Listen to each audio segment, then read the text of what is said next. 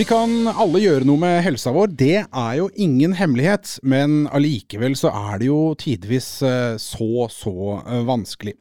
Målet med podkasten du hører akkurat nå, som vi kaller Bra for deg, er forhåpentligvis å gjøre akkurat det bitte lite grann enklere. Jeg heter eh, Nils Johan Halvorsen, og som eh, vanlig eh, ved min side her, nordisk sjef i Herbalife Nutrition, Mia Bergman. Er du sjef over egen helse, Mia? Det heter seg vel at jeg er det, men det er jo ikke alltid jeg har hendene på rattet i den bilen. Og lar meg rive med og løper i hamsterhjulet. Men jeg tenker at ja, jeg er sjef for min egen helse, og det er bare jeg som kan gjøre noe med det. Mm. Du liker den der billigningen? Ja, jeg liker å kjøre bil òg, egentlig. ja. Du, i denne episoden så skal vi snakke masse. Beklager, jeg måtte bare. Det gjør man jo i en podkast. snakker masse. Men denne gangen så er masse et uh, akronym. Uh, og mannen som har forma det akronymet er uh, lege, spesialist i fysikalsk medisin og rehabilitering, som det heter. Og vært lege i, i, 30 år. Mikael Torp, velkommen til Bra for deg. Takk. Du, du, du har en fokussetning noe du alltid kommer tilbake til, som du, som du nevnte før vi starta opptaket. her. Hva er det for noe? Det, det, å ha best mulig helse er noe vi alle kan ta ansvar for. Eh, og det er masse du kan gjøre for å få bedre helse. Og akronymet masse. La oss bare kjapt nå først ta det. Ja, jeg, jeg, egentlig så, så jeg på hvilke ting som vanligvis har mest å bety for betennelse i kroppen. Eh, og da kom jeg fram til at det var mat, M for mat. Uh, A for aktivitet. I aktivitet så ligger det ganske mye, det kan vi snakke om etterpå. Søvn. Uh, søvn er vesentlig, og stress er viktig. Og ikke minst det aller viktigste på slutten, E for emosjoner. Og emosjoner er et begrep for de dype følelsene som ligger i oss. Det kommer jeg også mer tilbake til. Ja, for, for hvis, vi skal, hvis, vi skal, nå spole tilbake da, starte på toppen her med mat, mm. uh, så, så, har vi noen punkter her. Og dette her er jo ting som alle, alle, vet dette egentlig, gjør vi ikke det? Altså, alle disse punktene her har du lært av mora di. Eh, og har du ikke lært det av mora di, så vil du i hvert fall ha lært det av en annens mor. Dette er ting som alle vet noe om. Men det jeg har lært som doktor etter hvert, er noen praktiske triks som kan kanskje komme med til hjelp for folk til å kunne få disse tingene til å virke. Og strengt tatt så er jo dette noe mennesker har snakket om til alle tider. Ehm, eh, jeg har ikke funnet på noen ting. Dette er ikke noen ideer som har kommet fram. Men det er ideer, triks og tanker som har dukket opp gjennom noen år, som jeg ser er vesentlig for å kunne hjelpe. Og først og fremst, det viktigste en kan gjøre, er gå for det lavest hengende eplet. Hvis det er et eller annet, f.eks. nå tar vi masse, er det et eller annet du vet at du kan gjøre noe med kostholdet ditt, som er lett for deg å gjøre noe med, altså gjør det, ja.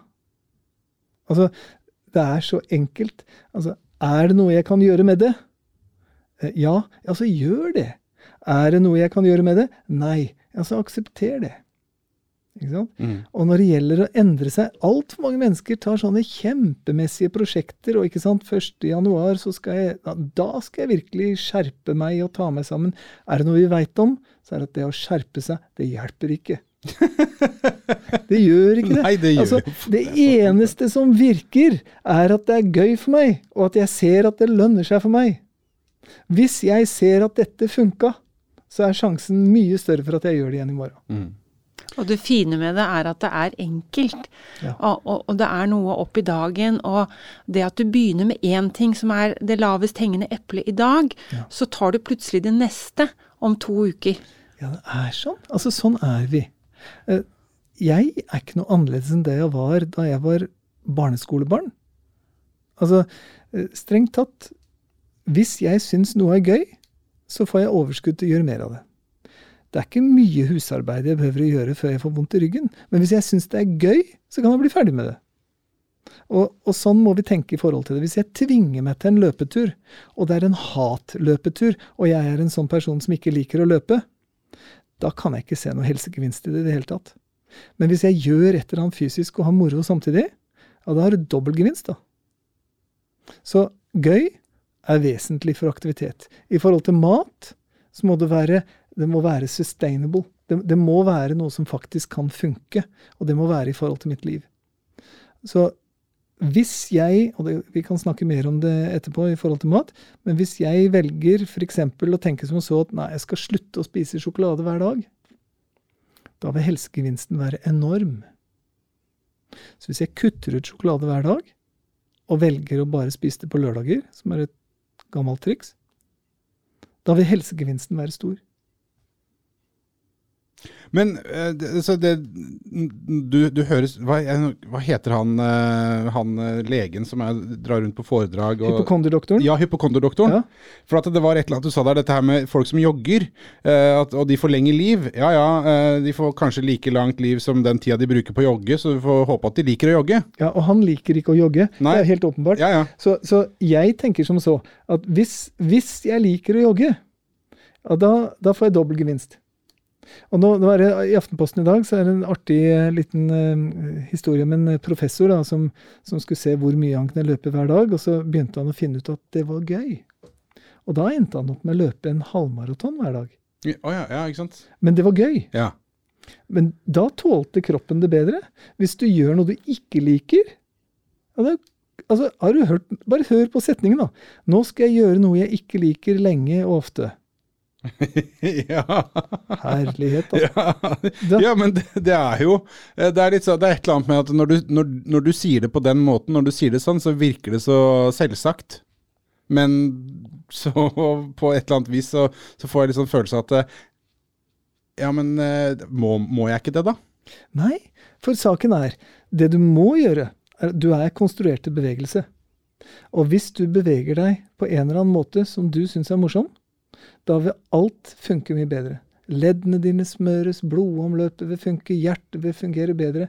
Men hvis jeg gjør noe under kraftig stress, og at jeg tvinger meg til å gjøre et eller annet, da vil motkreftene begynne. Mm.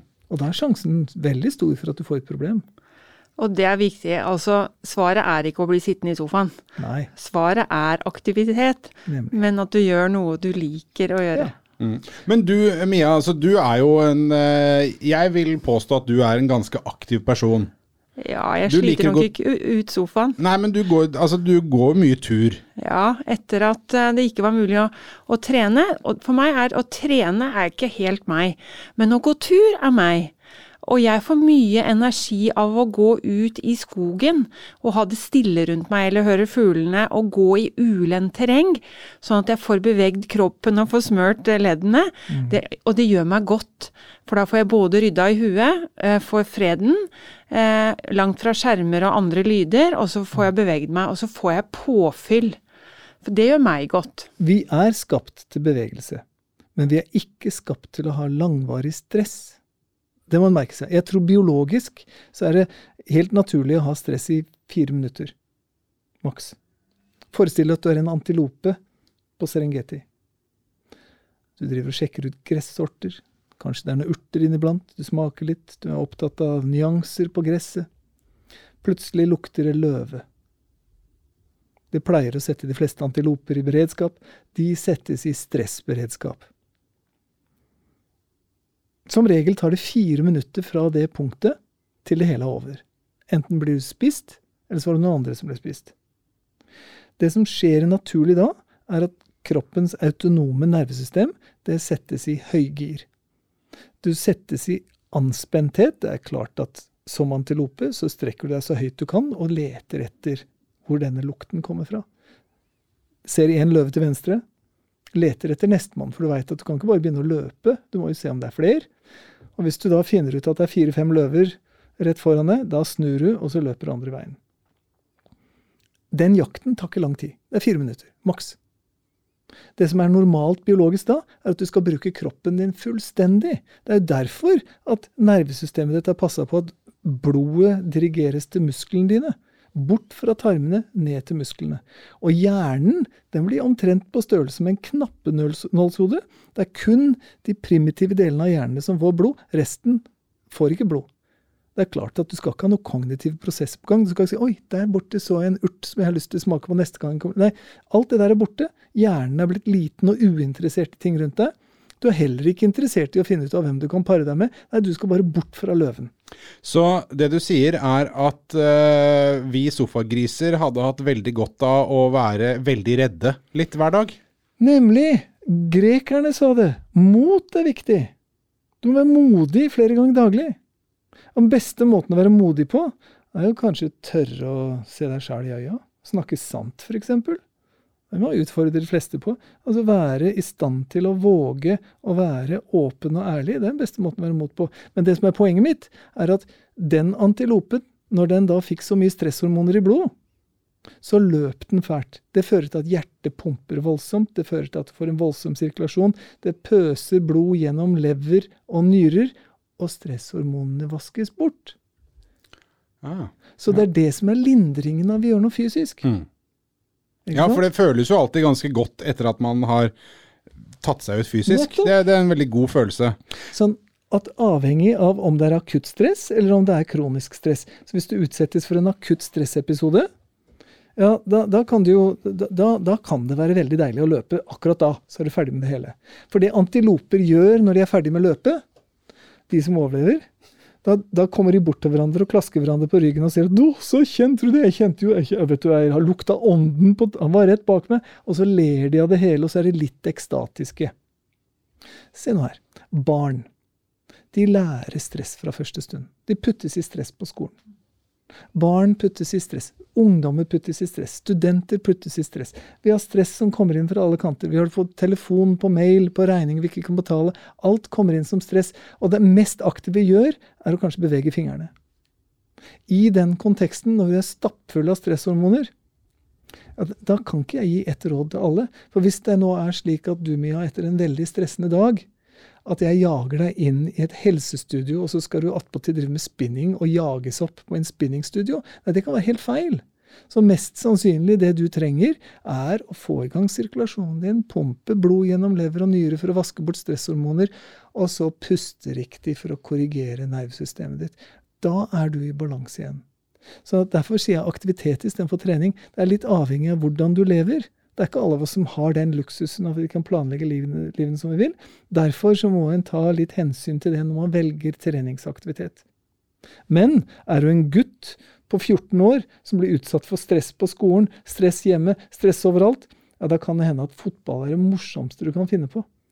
Da får du pumpa vekk det stresset. Ikke sant? Nettopp. Men barnet tror selvfølgelig at det er fotball som er greia. Men biologisk Så er det stressvasking nettopp. ja, som er greia. Fantastisk viktig. Ja, ja. Men, men eh, hvis du da, sånn som Mia da, nå så bruker vi eh, Nå er kasuset her eh, er Mia Bergman, eh, som liker å gå tur, og som gjør det ofte. Det er ikke veldig høyintensivt, vil jeg anta. Nå vet ikke jeg hvordan du går tur, Mia.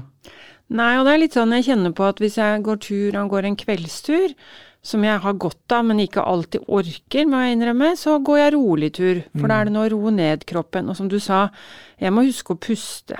For det glemmer jeg av og til. Men går jeg en morgentur, som jeg har gjort når treningssentrene har vært stengt, og går på tur klokka halv sju om morgenen og skal til en topp, da går jeg på for å få hjertepumpa i gang. For jeg har lært at det er lurt for å få, få vaska ut stresshormoner, eller å få kroppen og blodsirkulasjonen i gang. Så det varierer litt. Men jeg har lært meg å, å være litt snill med meg selv. At er jeg ordentlig sliten, så skal jeg ikke kjøre fysisk hardt. Da trenger kroppen bevegelse, men rolig bevegelse. Men er det er da å gå, liksom, gå tur litt intenst, som Mia sier, her, er det høyintensivt nok som ligger liksom, innafor anbefalingene som er fra helsemyndighetene? Ja, altså, et av problemene til helsemyndighetene er at de må gi råd til en hel befolkning. Og ett råd kan umulig treffe alle. Så at det er, der, der må man velge, og der må man kjenne seg selv. Igjen tilbake til grekerne. Kjenn deg selv. Det er akkurat den samme greia. Du må vite hvor du er og hvilken posisjon du er i livet. Og mitt råd kommer til å bomme på mange akkurat nå, men jeg tror det treffer de fleste. Hvis jeg vet hva jeg trenger, da er jeg heldig. Det er punkt én. Punkt to, hvis jeg da er i stand til å gjøre det som er bra for meg, enda bedre. Og til slutt, hvis jeg gjør det til en vane, så blir etablert. Og da er det litt sånn. Vi er forskjellige. Noen er konstruert for å løpe landeveisløp. Noen mennesker blir jo helt umulig å være sammen med hvis de ikke får trent. Helt greit. La dem trene. Noen mennesker liker ikke å trene. Rett og slett. Og de oppdager det ganske fort på ungdomsskolen at muskulaturen deres De kan trene så mye de vil, men de blir ikke noe sterkere. For det er mange forskjellige typer muskler. Og vi må vite om det. Så hvis du oppdager på ungdomsskolen at ja, du har trent og trent og trent, ble ikke noe sterkere, og da vet du at du har en muskeltype som ikke nødvendigvis skal ha fart, og ikke nødvendigvis skal ha styrke. Men alle trenger bevegelse. Det trenger vi. Når det gjelder livslengde, så vet vi det at 3-30-60-regelen er en god normal. Forklar altså, den. Tre ganger i uka, 30 minutter, 60% innsats. Greier du å oppnå det, så er det ikke så veldig mye hente på å øke. Så det blir en slags sånn avflating av den kurven. Og overraskende nok så blir det fort overtrenthet på mange. Ja, for det var det jeg satt og tenkte på akkurat nå. Du, altså, du sier at folk som blir umulig å ha med å gjøre, uh, hvis de ikke får trent, la dem trene, sier du. Men på et eller annet tidspunkt, så når bikker det over og blir for mye av det igjen?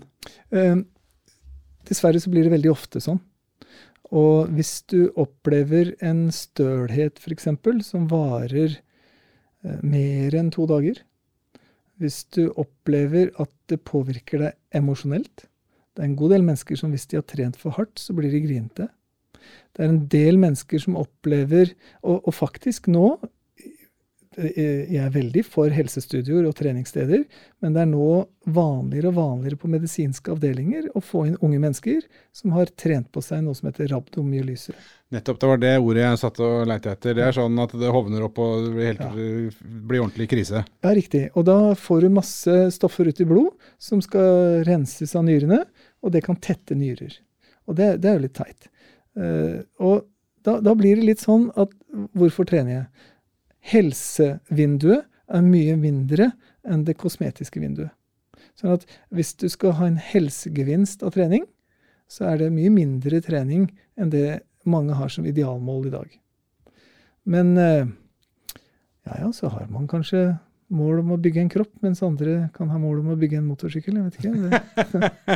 jeg vet ikke hva du sikta til akkurat nå. Åh, skjønte jeg ingenting av. Eh, ja, ja, nei, men ikke sant, det er, det er, noe med det, og dette her har vi jo snakka om. Hva er det eh, og ikke sant, Mia kommer jo stadig tilbake til dette her med å være snill med seg sjøl. Gjør noe som gir deg energi i hverdagen. Ja. Eh, og så er det jo ikke alltid at alle har at det som gir deg energi, er å f.eks. gå en tur opp på en topp. Nei, og jeg ser jo at etter å ha snakket med Mikael, så vet jeg at jeg kan gå litt fortere eller litt mer intenst, for det har jeg lært av han. At det er lurt for å få hjertepumpa til å, å, gå litt mer, for det trenger kroppen. Og jeg kan fylle på med stress, og jeg må passe på at jeg får det ut av kroppen. Mm. Og da må jeg minne meg selv på at jeg må ha litt høyere intensitet. Mm. Så det er en viktig del av det. Men vi vet jo også gjennom undersøkelsen Herbalife Nutrition har gjort fra Hugo, at veldig mange mennesker må ha noen å trene sammen med, eller gjøre noe sammen med. Og de klarer det ikke helt alene. De trenger veiledning, eller de trenger en plan. Men mest av alt, kanskje de trenger å gjøre det noe med, for da er det mye lettere om du har en avtale sammen med noen. Og mine morgenturer til Kolsostoppen, de går sammen med en venninne, og hadde ikke vi hatt den avtalen, så hadde jeg fort avlyst den i litt dårlig vær. Men vi har en avtale, vi møtes halv syv om morgenen, og det er kjempefine turer. Eh, men det er mye lettere å gjøre det sammen med noen, og det viser undersøkelsen vår også. Har du noen å gjøre noe sammen med, en gruppe eller noen andre, så er det mye større sjanse for at du gjør det du skal. Vi er flokkdyr. Og stort sett nesten alt kan vi bruke det bildet på. Den store angsten som er blant ungdommer på å bli outa, eller bli dyttet ut av en gruppe, det kommer ut fra den ideen om flokkmentalitet. Det å tilhøre en gruppe, det å føle at vi er til stede, det, det, det å føle seg inkludert, kjempeviktig. Og for å gjenta en atferd, det å kunne være del av en gruppe. Den der serien Friends, som har vært så enormt populær, viser nettopp denne gruppetilhørigheten, hvor viktig den er, og, og hvor utfordrende det er å holde sammen en gruppe. Trening skaff deg venner. Du vinner to ting på en gang. Du vinner en venn, og så vinner du trening. Og så er det mer gøy. Kjempeviktig. Ja, lag, Drive med lagsport eller et eller annet sånt, ja, for eksempel, eller hva som helst? Ja, liker du innebandy, så skaff andre venner som liker innebandy, og bli del av den gruppa. Mm. Liker du å gå turer på Kolsåstoppen, altså finn noen andre som liker å gjøre det. Men ikke dra med deg en som ikke liker det. Ikke sant? Så, så greia er at det, det, det, er veldig lurt å være litt systematisk i forhold til det man liker å gjøre. Og vi som eh, jobber med å hjelpe mennesker med å få overskudd i hverdagen, eller gå ned i vekt, eller hva det måtte være, eh, en del av våre medlemmer går sammen om å trene i grupper, fordi de vet at aktivitet er så viktig del av helsa di. Ja, nettopp det. Og det gir en gruppetilhørighet som er viktig. Og emosjonelt blir det støtte. Hør her, en setning. Det er mye bedre å være frisk, pen og rik enn fattig, stygg og syk. Ja. Den hadde vi faktisk på veggen hjemme, husker jeg. Det er bedre å være eh, frisk og rik enn syk og fattig, hadde vi på veggen hjemme da jeg vokste opp. Men ta setning to på dette. Og er en til. Ja, Men er du deppa, så er det helt fett. Her ser du hierarkien av det som er viktig. Det hjelper oss til å forstå hva som er vesentlig. Så den psykiske helsa, det er det viktigste.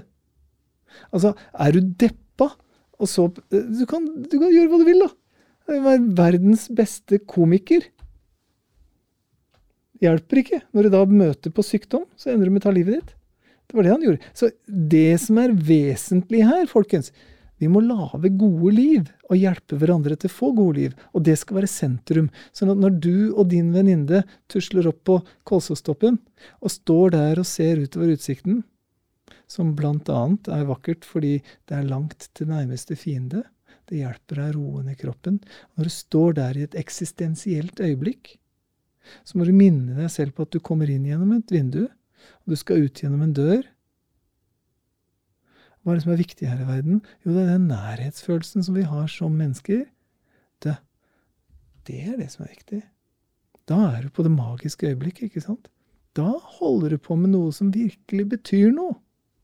Sånne små magiske blunk har vi mange sånne gjennom en dag.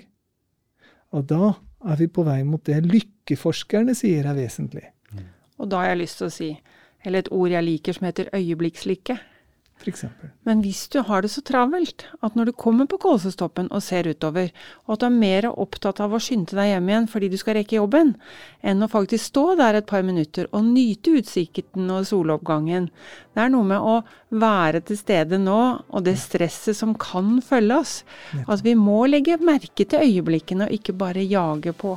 Det syns jeg var både fint og bra sagt, eh, Mia. Derfor velger jeg å la det bli siste ord i denne omgang. Eh, praten med Mikael Torp eh, om å velge å ta tak i de lavthengende eplene, og hvordan enkle grep vil gjøre store utslag for helsen din, fortsetter i neste episode av Bra for deg. Takk for nå.